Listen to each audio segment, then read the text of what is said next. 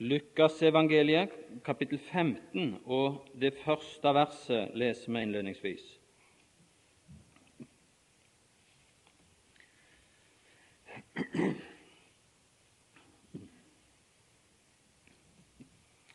Lukas 15 og vers 1.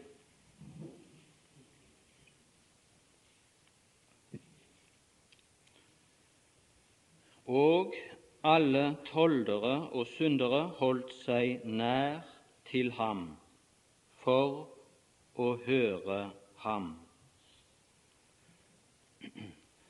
Det er faktisk ca.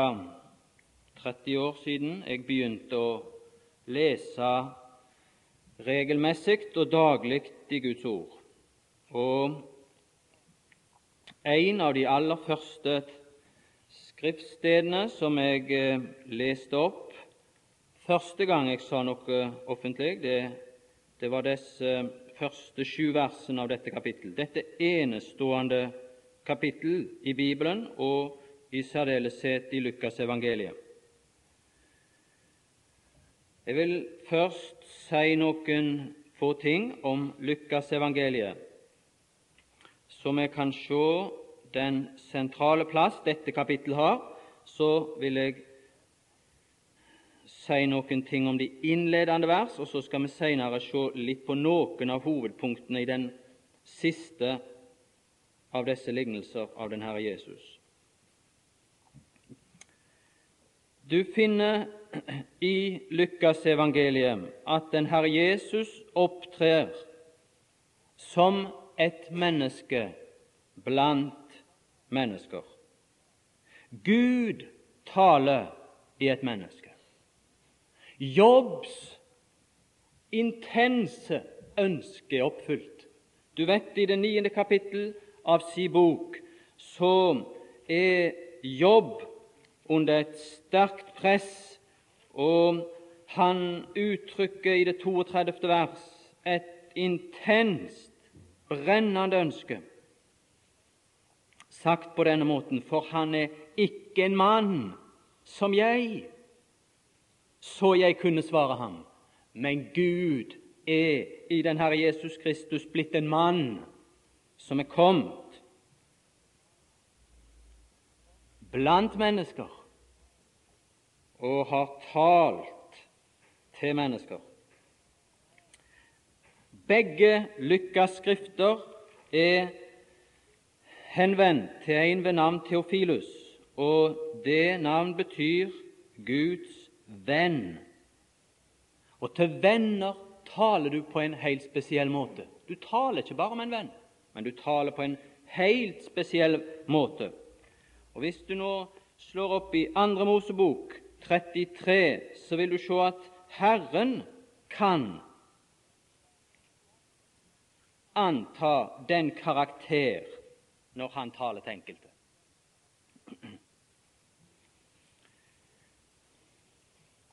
Andre Mosebok 33 og vers 11. Der står det slik Og Herren talte til Moses. Og han talte til Moses på en annerledes måte enn han talte til alle de andre. Det kan du se hvis du vil av 4. Mosebok kapittel 12. Men han talte på denne bestemte måten som han ikke talte til noen andre i Det gamle testamentet. Slik avsluttes Mosebøkene. Det oppsto ingen annen som Herren talte åsyn til åsyn med. Ja, hva måte er det å tale på? Jo, det følger i dette neste ledd like som en mann taler i vår oversettelse, iallfall denne som jeg leser fra 1930-oversettelsen, så står det 'sin neste'. Men ordet som er brukt, er det som gjennomført er brukt om venn i Det gamle testamentet. Like som en mann taler med sin venn. Og det gjør han på en helt spesiell måte. Det gjør du. Men du, i Kristi person kom Gud ned og henvendte seg i et evangelium til Guds venn. Og så taler han på den måten. Peter sier i apostelgjerningene 1 at de som skulle tale videre om den Herre Jesus, de måtte være slike som var med ifra den tid, all den tid, står det, som den Herre Jesus gikk ut og inn iblant oss. Altså i den konstante, nære fortrolighet de kunne tale om.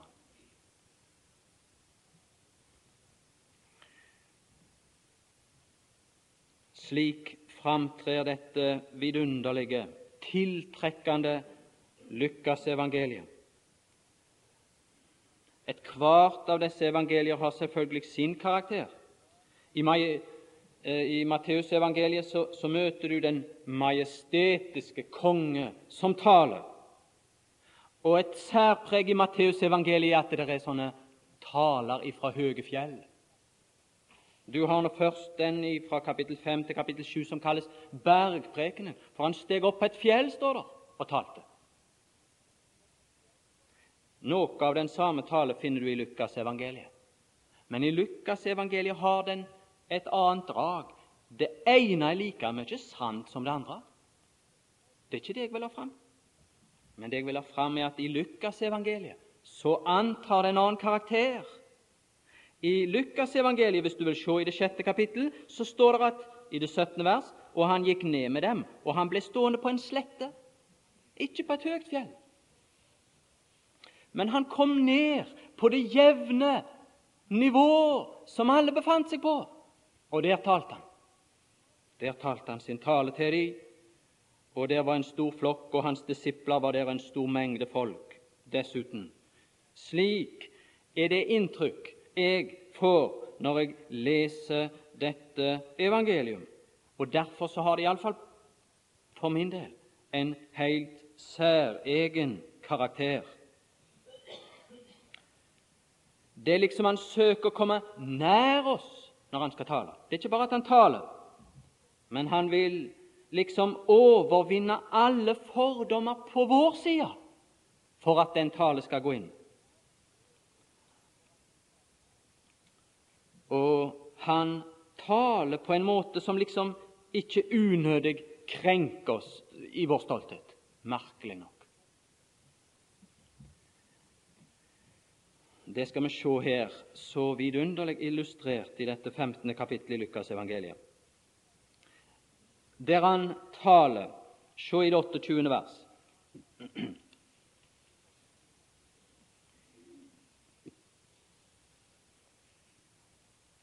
Der står det siste del Hans far gikk da ut og talte vennlig til ham.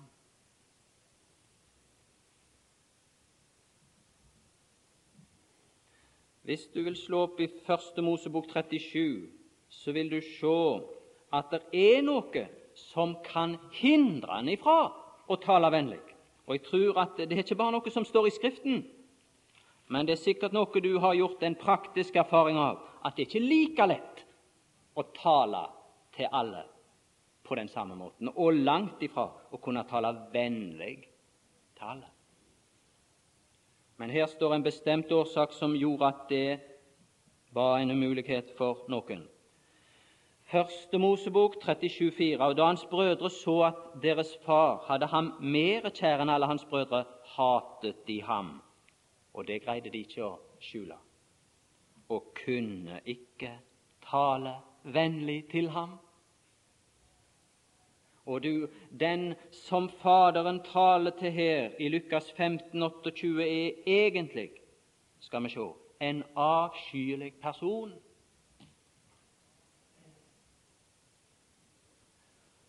Og det skulle noe til her inne for at det skulle være mulig å kunne talevennlig. Og det var det som befant seg i Faderens hjerte, som istandsatte han til å tale på denne måten. Se når han taler til en annen fariseer. Eh, fariseeren Paulus.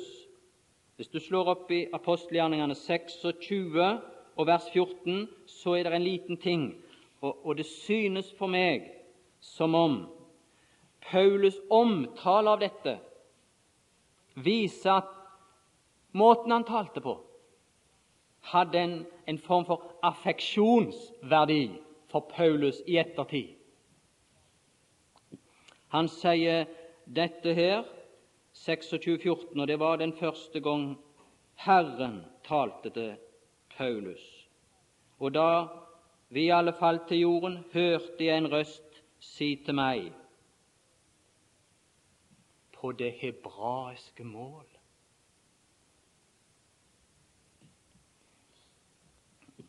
Den eneste andre plassen i apostelgjerningene du finner dette uttrykk, hebraiske mål, det er i slutten på det 21. kapittel i apostelgjerningene. Slå opp der. 21, og det er i det 40. vers.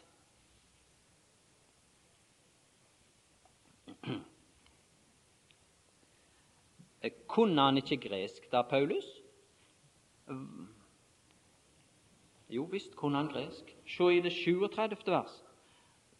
Da nu Paulus skulle føres inn i festningen, sier han til den øverste høvesmann, får jeg lov til å si et ord til deg? Og det var en greker, eller en som var gresktalende. Da svarte denne øverste høvesmann, kan du gresk? Hans tale avslørte at han kunne gresk. Herren kunne ha talt til han på gresk. Du kan vel skjønne det, hele Det nye testamentet er på gresk.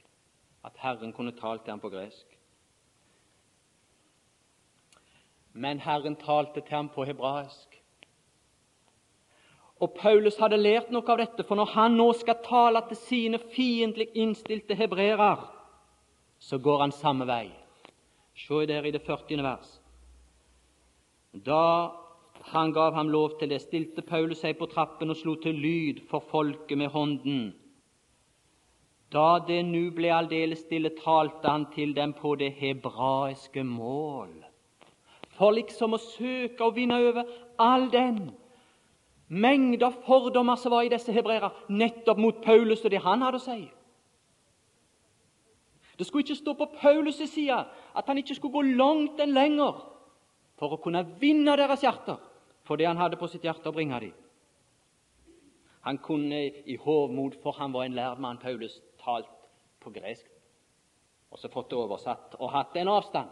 Men du, han nærma seg han steg over alle hindringer for å komme ned, for å søke å overvinne det hele. For det var ikke fordommer på hans side. Det er ikke fordommer på Herrens side når han kommer meg i møte og skal liksom nå meg med det som himmelen er fylt av, og som har kommet ned her i denne verden, i den Herre Jesu Kristi person. Se hva som skjedde når han talte på hebraisk. Og det synes jeg, liksom når jeg leser Lukas evangeliet, har en følelse av når den Herre Jesus kommer som en mann iblant menn og mennesker og taler til oss på denne måten, denne vinnende, forunderlige, attraktive måten som han gjør det på, for å sikre vårt hjerte og vinne vårt hjerte. 22. Eh, da de hørte at han talte til dem på det hebraiske mål, holdt de seg enda mer stille Oppmerksomheten var sikra. Han var kommet nær de og kunne tale til de og vinne de. Det makta han ikke, men han hadde gått så langt her som han kunne gå. I Lukasevangeliet finner vi programtalen, om du vil, i det fjerde kapittel. Der den Herre Jesus går tilbake til Det gamle testamentet og henvender seg til en profeti om det som skulle skje ved hans opptreden i denne verden med den tjeneste som ble pålagt han. Og det var dette som er omtalt i det 19. vers, dette nådens år som han introduserte. Og dette nådens år karakteriserer hele Lukasevangeliet. Og innholdet av dette nådens år, det blir gjort kjent. Hvordan kunne ellers tollere og syndere holde seg nær til han for å høre han? Jo, det hadde noe med den karakter av tale. Frelse er gjennom hele Lukasevangeliet litt annerledes enn i de andre. Framstilt som allerede en fullbyrda og fullført sak. Den Herre Jesus nær sagt strør omkring frelsens goder i enhver retning som kommer han i, i nærheten av han. Fred, nåde, fullkommen tilgivelse strøs ut idet du liksom får et bilde av Gud som i Kristus kom iblant mennesker for å forlike mennesker, idet han ikke tilregner dem deres overtredelser. Og mennesket blir slik brakt til Gud og velsigna, og dette utløser noe i Lukas evangeliet, som du vil finne fra det første kapittel, og som du vil finne tvers igjennom, og som du vil finne til veis ende i Lukas evangeliet og i Lukas. Det utløser lovprisning, sang og tilbedelse. Frelse er gjort kjent, og det gjør menneskets hjerte glad. Det løser tungen og setter den i lovprisning og til bruk i lovprisning. Den store glede som kom ned i det andre kapittel ved den Herre Jesu Kristi inntreden, og som engleverdenen var Guds redskap til å gjøre kjent for noen der. Den glede, du, den kom inn i noen. Og den fulgte de og den fulgte de på en slik karakteriserende måte i Lukasevangeliet. Det er det som springer gjennom Lukasevangeliet. Det var det vi så i ordspråkene 17. Det er det som gir god legedom. Her er det legedom. Se hvordan Lukasevangeliet avslutter, 24. kapittel. Den store glede som var annonsert i det andre kapittel ved hans inntreden, den, den, den forsvant ikke. Den, den, kom ifra der. Den kom inn i noen, og den, den forblei i noen.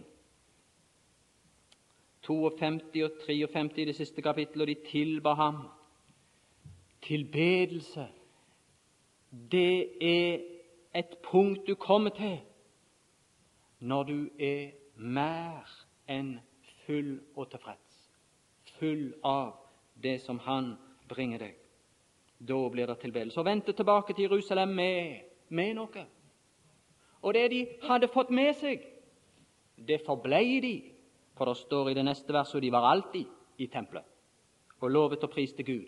Lykkas evangeliet begynner med et tempel med en stumprest. Det avsluttes med tilbedere av en annen karakter, som ikke var inne for et slikt eh, besøk i tempelet ved en enestående anledning, sånn som Abias skiftet når Sakarias gikk inn. Å nei, du, alltid, alltid var de der. Og alltid var de med denne glede. Slik forholder det seg. Saken må være denne. Det må ha kommet noe innimellom den stumme prest etter det gamle system og denne presteskara det har kommet noe inn. Og Lukas evangeliet holder ikke skjult for oss hva det er som har kommet inn, og som har skapt dette. Måtte lesningen av Guds ord videre for oss eh, ikke bare gjøre oss kjent med at det var noen som hørte, og som denne tale øvde en påvirkning på, men måtte det være sant om oss at den samme tale hadde den samme påvirkning som for disse som det står om i det 15. kapittel og første vers.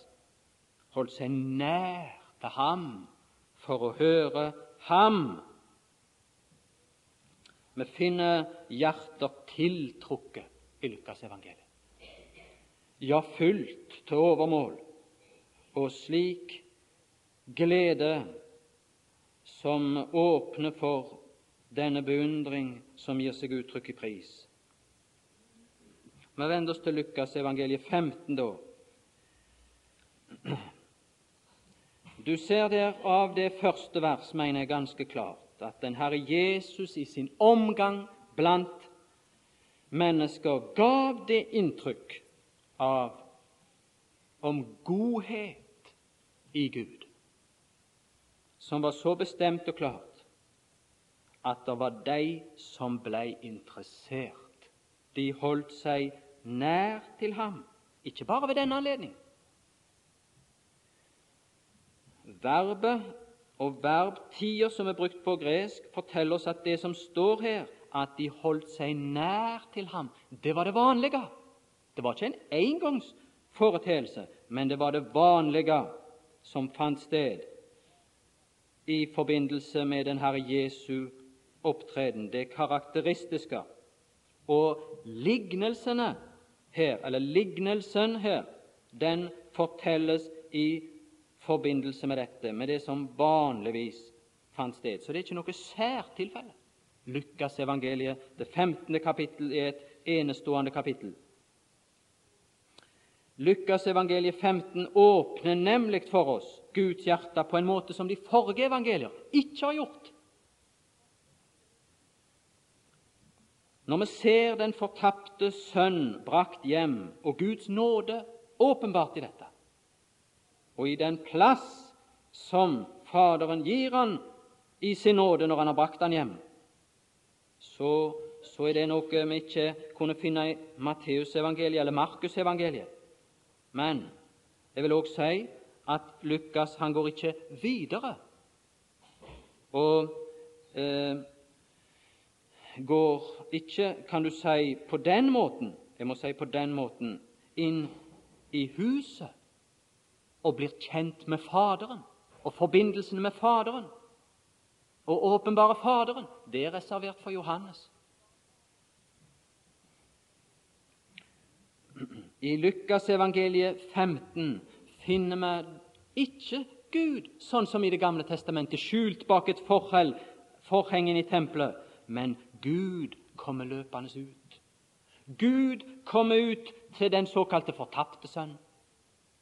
Men Gud gikk òg ut til den andre sønn. Det har vi nettopp lest.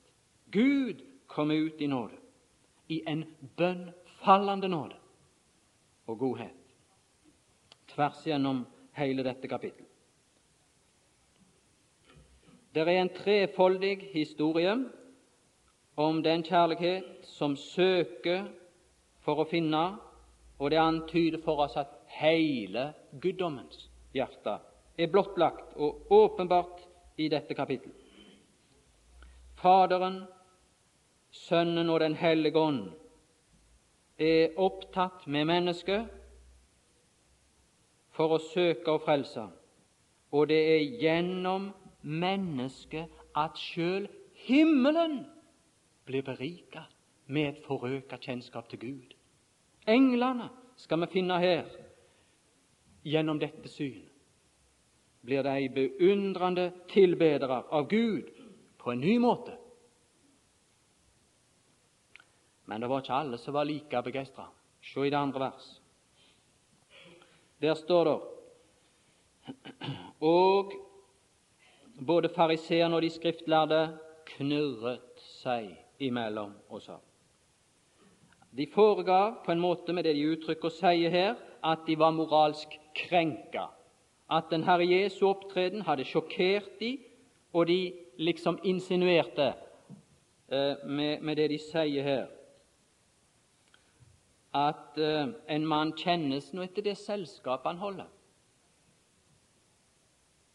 Si meg hvem du omgås, så skal jeg gi et klart svar på din karakter for person du måtte være. Det, det er liksom det de antyder, Å kaste opp i hans ansikt. Vi skal se i Lukas evangeliet at Gud ikke tar karakter av dette selskap. Og Litt senere i dette 15. kapittelet så skal vi se at han sier jeg tar heller ikke karakter fra det den eldste sønn mener om hva som sømmer seg og er rett og ikke. Det skal vi komme tilbake til. Men for en sannhet de uttaler når de fastslår dette faktum om denne mann, om denne mannen, at han tar imot syndere. Og Litt senere skal vi se at det er ikke noe sånn passivt, tilbakeholden, avventende. Liksom litt sånn nølende. Vi vil se at han løper. Han løper i møte så langt bort som mulig. Og dette går mot et klimaks i deres framstilling og negativ omtale av den Herre Jesus. Han ikke bare tar imot syndere, sier de, men noe som er langt mer fryktelig Han eh, eter sammen med dem og inngår et bordfellesskap med alt det innbefatter av forpliktelser. En gang før så hadde denne samme gruppa uttalt den samme anklage mot den Herre Jesus. I det femte kapittelet av Lukasevangeliet. Vi skal bare se at så er tilfellet. Så kommer de med den samme innvending. Der gikk det ikke direkte til den Herre Jesus. Her må det ha vært i hans nærhet, siden han svarte på den knurrende omtale av ham. 5.30 og fariseerne og deres skriftlærde knurret mot hans disipler og sa:" Hvorfor eter og drikker dere med toller og syndere? Det var når Levi, som du ser i det 20. vers, ble kalt tolleren Levi. Nåde ble framvist i dette eksempel i en uventa og på den tid ukjent måte. Den, den mest iøynefallende synder ble kalt. Og Herren gikk til hans hus, og det fant de klanderverdig. Når du kommer til Lukas evangeliet, så er det et skritt videre. Der er det ikke bare at han tar imot syndere og eter sammen med dem, men du vil se gjennom hele kapittelet at han tar dem til sitt hus.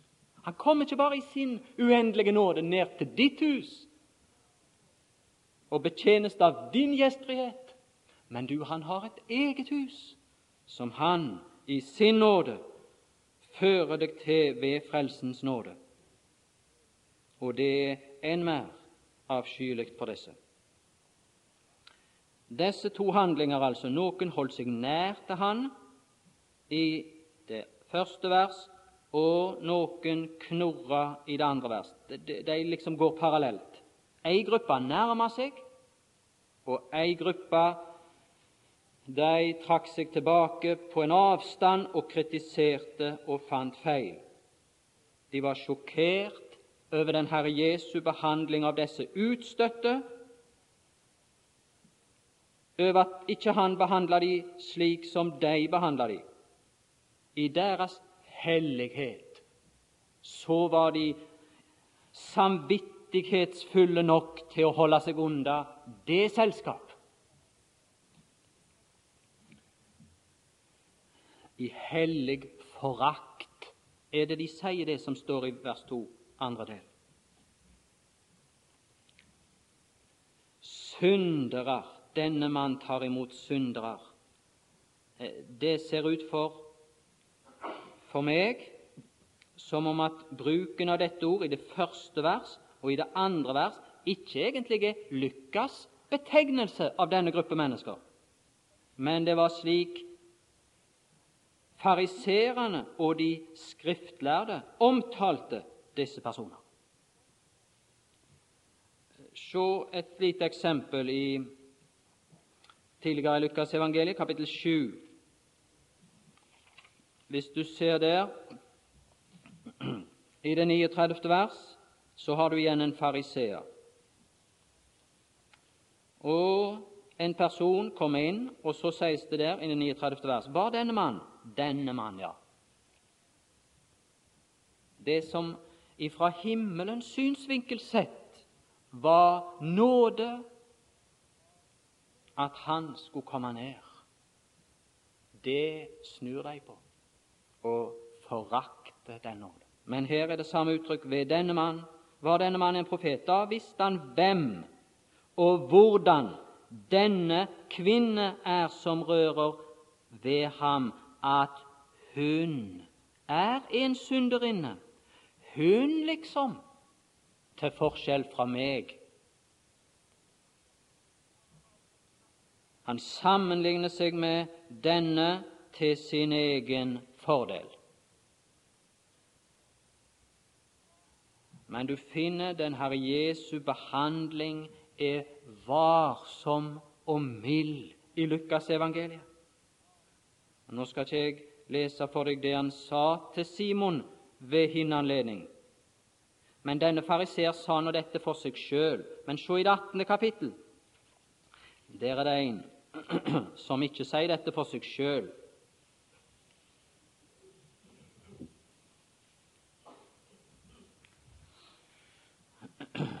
Der står det inn i det ellevte vers Fariseeren sto for seg selv og ba således, å du. Han sammenligner seg med en annen. I Guds nærhet. Han må ha vært langt ifra Gud for å kunne tale således. Gud, jeg takker deg fordi jeg ikke er som andre mennesker. Og så nevner han opp en, en, en liksom uh, serie av, av, den typen som han sjøl ingen kontaktpunkter hadde med røvere. Nei, det vil ikke han gå med på. Se i det ellevte kapittelet av Lukas evangeliet nå, det 39. vers.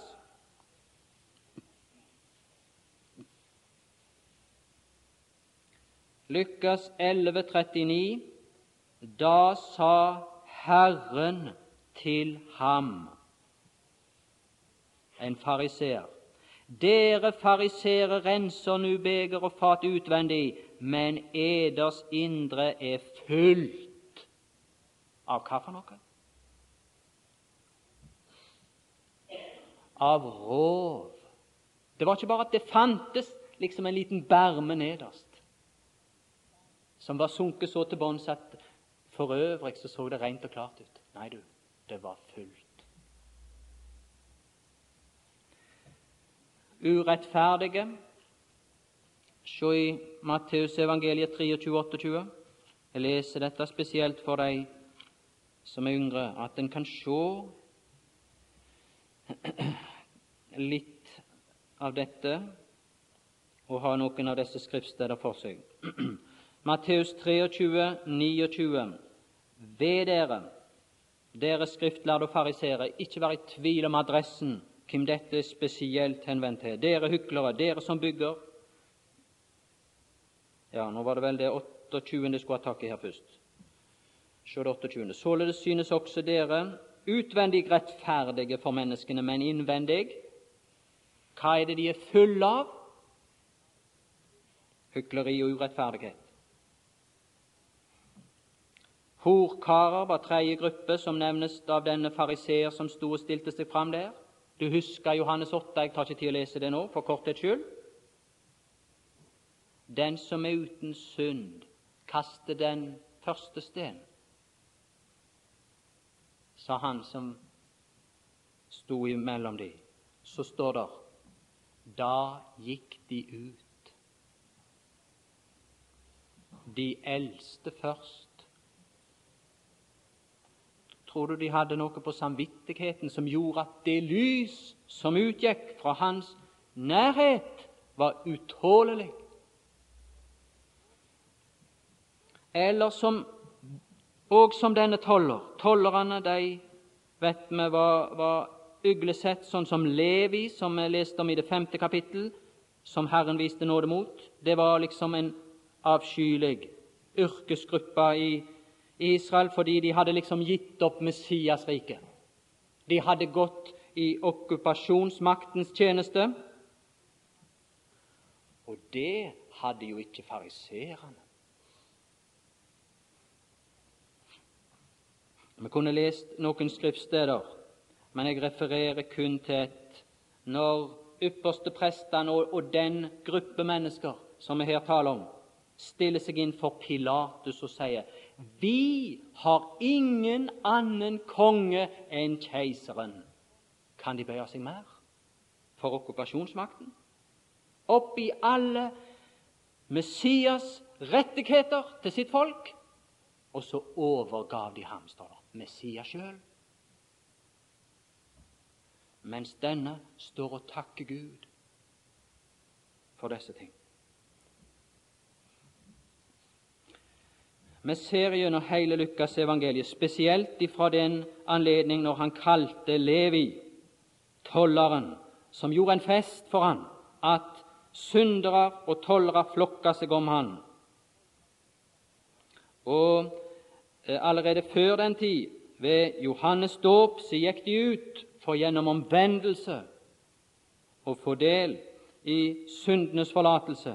Når da denne nåde, som kom ved den Herre Jesu inntreden og åpne vitnesbyrd iblant Israels folk, kom, så var det å forvente at denne gruppe ønska den nåde velkommen. Og det står det at den Herre Jesus kunne si i ettertid at tollere og skjøger de går inn i Guds rike. Men hvordan er det med, med dere? Da talte han til fariserer.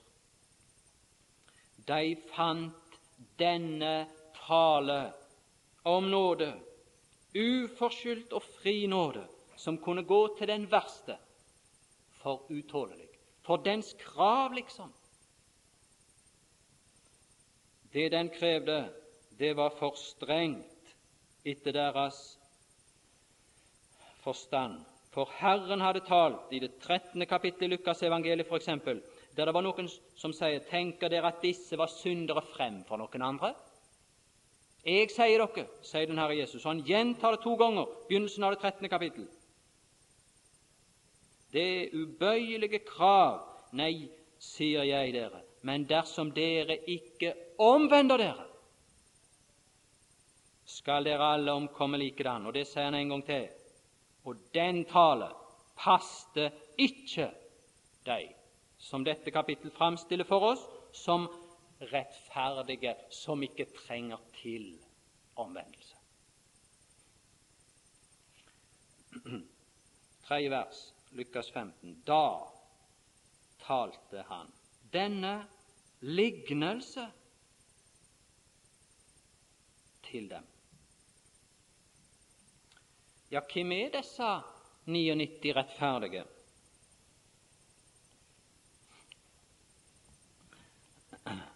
Herren holder liksom et bilde opp for dem, og så sier han liksom er, er det mulig at dere kan gjenkjenne dere i dette bildet? Du husker der i det sjuende kapittel Herren kom ikke nær sagt som en sånn en dampveival som meier de ned. All opposisjon, all knurr. Å nei, du, det var, det var en himmelsk nåde over denne mannen. I det sjuende kapittel i Lukas evangel, se hvordan han behandler Simon. Han tar en lignelse, så sier han det er to, to som skyldte noe. Selvfølgelig, du skylder jo ikke så mye, gjør du vel? Og så liksom litt seinere, når han utlegger det, så sier han liksom Den som elsker lite Det, det er vel litt kjærlighet hos deg òg, Simon? Jeg skulle ønske jeg kunne, jeg kunne vinne ditt hjerte, liksom. Er det den Herre Jesus sier? Den som lite forlates. Ser du? Han, han åpner liksom muligheten for at Simon skal si det sjøl. Nei, jeg elsker deg ikke. Jeg vil ikke ha noe av dette. Det er liksom Han, han legger det fram for han. Ta avgjørelsen sjøl, Simon. Det stilles foran deg i dag. Og det er på en lignende måte når den Herre Jesus taler vennlig gjennom hele Lukas 15. Så, så, så, tar han opp det bildet de hadde av seg sjøl, og så sier han dere kjenner dere igjen i dette. Nå tegner jeg et bilde av dere, sånn som, som, som dere tenker dere sjøl at dere vil ta dere ut. Sånn dere sjøl vurderer dere. Og hensikten med å tegne dette bildet og, omtale de som rettferdige, disse. Det var selvfølgelig å bringe de til å innsjå sannheten. Det var for at pila skulle treffe sitt mål, så de skulle vite hvem det var det talte som her i det Lukas 15. kapittel. For lignelsene her i Lukas 15 er ikke sånn som i Matteus 13. Hensikten var ikke å skjule noe, og bare skulle være en tale til de innvidde, hans egne disipler. Å nei, du, det er en vennlig tale. Ingen skulle være i tvil om hvem som var de rettferdige, og hvem som hadde løpt seg bort og var det totalt fortapte. De skjønte det med en gang. Det er vi som er de rettferdige. Og, og disse andre, selvfølgelig, de, de har løpt bort på egne veier. Og så skulle de gjennom det føres til erkjennelse om skyldighet, og deres knorr, argumenter skulle tilbakevises, deres avstand fra Gud skulle avdekkes, så kunne han komme deg i møte. Å du, hvor vi lengter når vi leser slutten av det 15. kapittelet her. Etter at den eldste sønn skulle bryte sammen overfor den nåde som møtte. Ut og møtte han i vennlighet.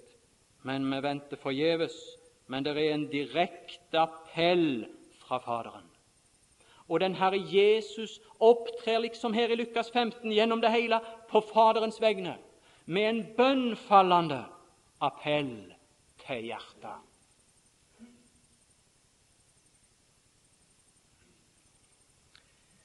Og det er en lokkende måte å tale på dette. Det, det, det er den mildeste, den mest vinnende, den mest overbevisende måte å tale på. Du husker når Nathan Natan skulle tale til David. Han kunne jo gått til han og sagt 'Du er mannen'. Han sa det, men han sa ikke det til å begynne Andre Samuels bok, kapittel 12. Jeg skal ikke mer enn referere til det. Han talte i lignelse. Han talte en liten lignelse, og David forsto det. Han forsto prinsippet, og det står han ble høylytt harm. Ah, nå hadde Natan vunnet han for prinsippet, for saken. hjertene, var på Herrens side. Da sa Natan, Herrens profet, nå kan vi gå til anvendelse av dette. Men ikke før. Du er mannen. Og da brøt David de sammen, fordi hjertet var vunnet først. Herren har en forunderlig måte å tale til syndere på. Og Var det ikke sånn han hadde talt til meg, så tror jeg jeg hadde, jeg hadde blitt skjøvet til sides om jeg skulle bare holdt meg til den veldige, majestetiske, opphøya tale i f.eks. Bergprekenen. Men her er det en vinnende, overbevisende form for tale. Tilbake til kapittel 5 og vers 30, der han første gang får denne anklage.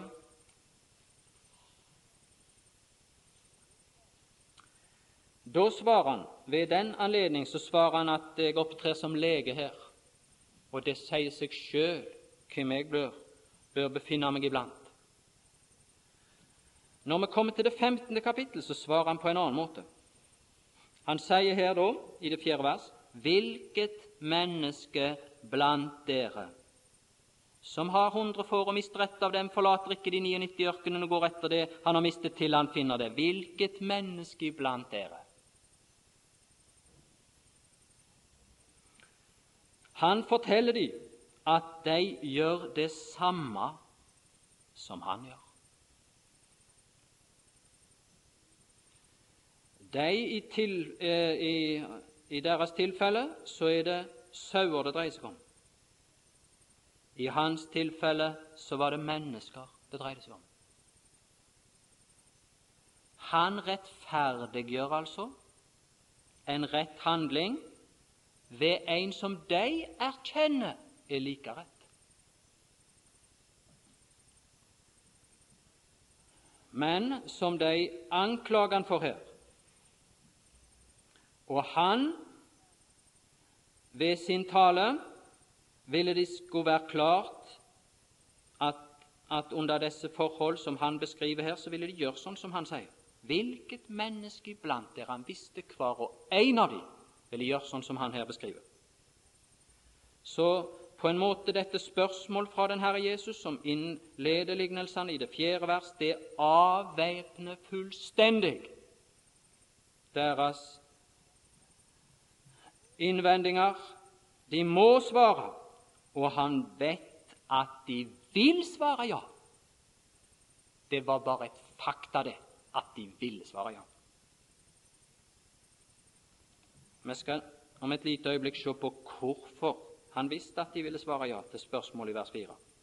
Og det hvorfor avslører de enda sterkere.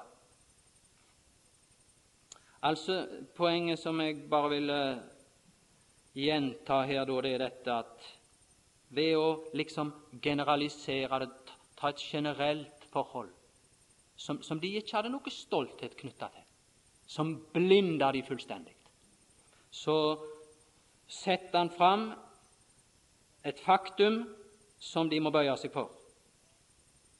De var slike som hadde evne til å sette verdi på ting.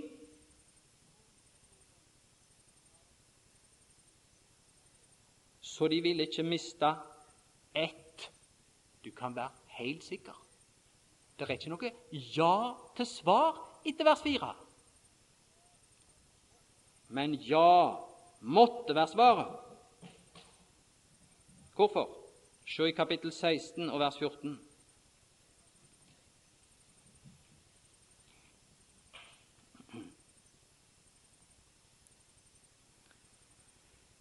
16 og vers 14, der står det noe. Fariseerne, de hadde veldig god greie på verdier og var spesialister i å søke disse ting. Fariseerne som var pengekjære, hørte på alt dette, og de spottet ham. Ja, nå spotta de han i det 15. kapittel for de syntes han var for slapp. Han var for mild. Nå har han fra det første vers i det 16. kapittelet til og med det 13. talt om rett bruk av penger. Så sier de nå er han for streng. Nå spotter de han for det. Hvorfor var fariserene så voldsomt opptatt av rikdom? Fordi de tenkte at rikdom, det beviste og var det ytre tegn på at de eide Guds velsignelse. Tida tillater meg ikke å lese noe fra Det gamle testamentet, men der det sies det uttrykkelig og klart at det burde ikke finnes noen fattige blant Israel. For Herren skulle velsigne dem hvis de var lydige mot lovens bud. Så å være fattig ville være en ruin for en fariseer. Å være rik vil være selve tegnet på at du, at du har Guds velsignelse og er blant de som er trofast mot Herren. Og den pengekjærhet, den brukte de for å kaste enda et slør av gudfryktighet over sin person. Se i det neste vers. Da sa han til dem, dere er de som gjør dere selv rettferdige for menneskene, og de gav en del til tempelet. Vi kunne lese noen steder som avslørte de fullstendig. De gav ikke til det som Herren hadde bestemt de skulle gi til, men, men heller en gave til tempelet. For det gav de religiøs anseelse og status og den slags. Litt lenger ute i Lukas evangeliet så kommer det et spørsmål etter den Herre Jesus har sagt at sjøl en rik, sjøl en rik Så sier de, hvem kan da bli frelst? Hvis ikke de som har det ytre tegn, på at de har Guds velsignelse.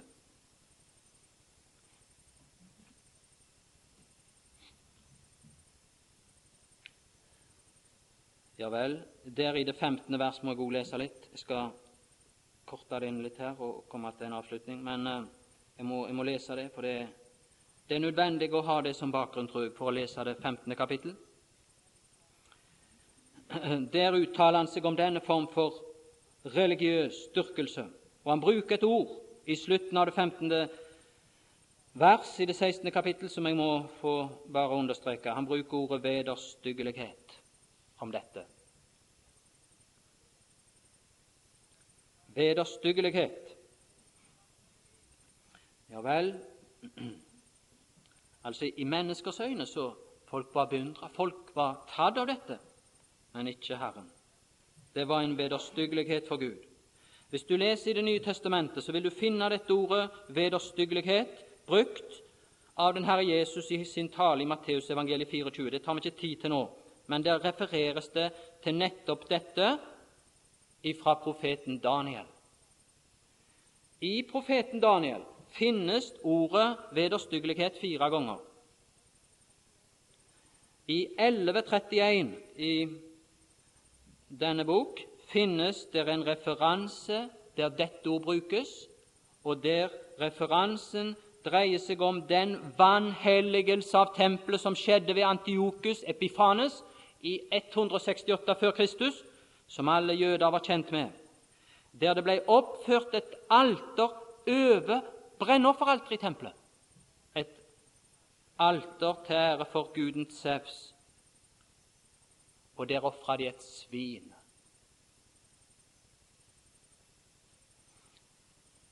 Hvis du leser om den perioden mellom den siste bok i Det gamle testamentet og den første i Det nye testamentet, så vil du finne at på makabernes tid framsto fariserene klart som gruppa. Det var etter disse vanhelligelser hadde funnet sted, så var det noen som sto fram og sa vi vil ha dette system av religion rundt tempelet som Gud har gitt oss, og vi skal være trofaste forsvarere av det. Vi skal kjempe imot denne vanhelligelse.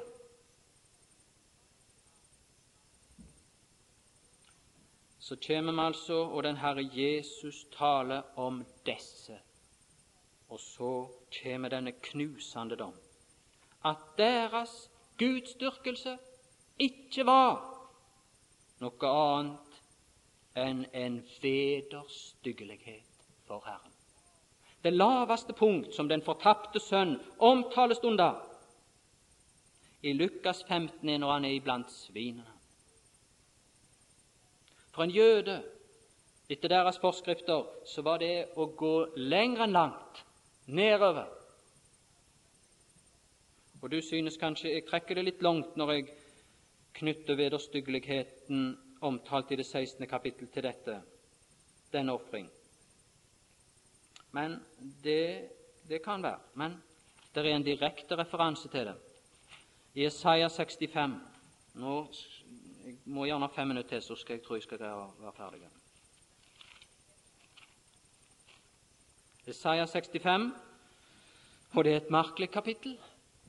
Jeg vet ingen andre kapitler der det står det om i Det nye testamentet, for Paulus siterer jo fra Isaiah 65 i Romerbrevet 10, og han sier han våger seg til å si. Det er dristig tale. Det er alvorlig dristig tale. Det eh, står der om at han bredte ut sine hender hele dagen, se i det andre vers, til et gjenstridig folk. Hvordan var det når han opptrådte? Ja, da, da står det forskjellige ting som går på den vei som ikke er god etter sine egne tanker, skal si det var kommet mye inn av deres egne tanker, ja, i den gudsdyrkelse. Og så står det i det tredje vers til et folk som alltid krenker meg like i mitt åsyn. Hvordan var det der i Lukas 15? Sto de ikke opp midt for hans åsyn? Hvordan var det der i Lukas 18, som stilte seg inn for Gud og takk til Gud for det han ikke var, som han var full av? Like i mitt åsyn. Tror du det, det dufta godt når de stilte seg inn for Herren med disse ting? Som ofrer i havene. Jeg skal ikke gå inn på noen av disse uttrykkene som er sterkt talende. De, de fortsetter nedover i det fjerde vers, og der kommer du til dette uttrykk som eter svinekjøtt. Altså Noe mer drastisk kunne ikke sies om en jøde. Og hvis kar er fulle av vederstyggelig suppe. Ok, det var vel den dårlige delen av folket, det. Selvfølgelig. Nei, du, det var de som i det femte vers sa noe mens de åt dette, og tilegna seg dette. Hold deg unna. Kom meg ikke nær. Hvorfor? For jeg er hellig for deg. Hva var en fariseer? Det var en atskilt. Hvorfor? Å, jeg kan ikke blande meg med deg. Jeg er for hellig for deg. Det er en vederstyggelighet for Herren. Vi får bare la det stå der. Men du, la, la det være vederstyggelig. La oss ikke svekke det. Det er like vederstyggelighet, all religiøsitet av det vesen, i dag. Men du, men du, beundra den som kan tale vennlig til slike. Til slike som meg, og slike som deg. Hvis vi nå går tilbake til Lukas 15 og vers 4, så skal jeg raskt avslutte med å si en liten ting. Ved å tale på denne måten, som i det fjerde verset, altså, så har Herren vunnet saken når det gjelder deres knor, og de dømmes etter sine egne handlinger. For sånt ville de gjort, og begrunnelsen har vi sett i det 16. kapittel. De ville ikke ha mista ett fordi de var så pengekjære. Sin rikdomsverdier hadde de sans for, tap av verdier, det var de følsomme for, sterkt følsomme. Så de må rettferdiggjøre Gud på tross av de sjøl. Men du, dette 15. kapittel om, om noen andre gjør det, så synes jeg dette gjør det mer enn alle andre kapitler i Bibelen. Fortell oss om det er en annen som har sans for verdier. Det er en annen som er følsom for tap av verdier, men av en annen grunn, ikke av egenkjærlighet, men av pur, ren, ekte kjærlighet, som i sitt innerste vesen har dette som Skriften kaller søker ikke sitt eget. Slik beskrives kjærligheten i 1. Korinterbrev 13,5.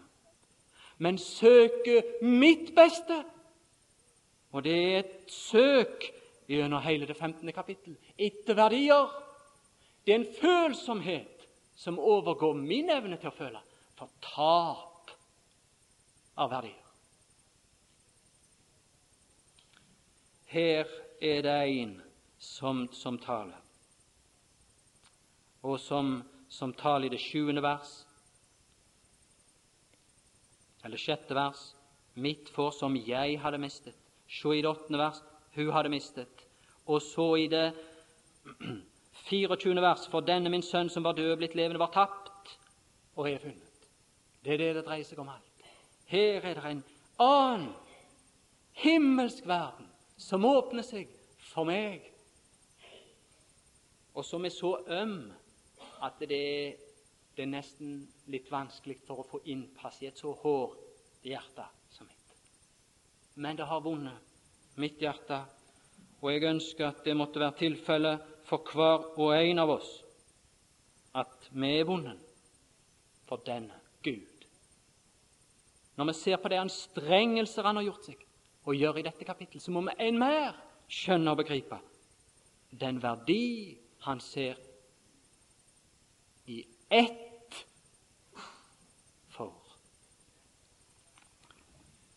Ja, Fader, jeg er deg evig takknemlig i den Herre Jesus for fullkommen frelse, utelukkende ved tro på deg, og at du kunne tale vennlig. Det det måtte være fordi ditt hjerte var så fullt av den kjærlighet som kunne glede seg ved å finne meg. Og måtte, måtte vi være i stand til mer å tale ut dette vennlige ord til fariserer og syndere i denne verden. At noen kunne vinnes og sikres for deg, du som så dyrt har betalt for hver og en.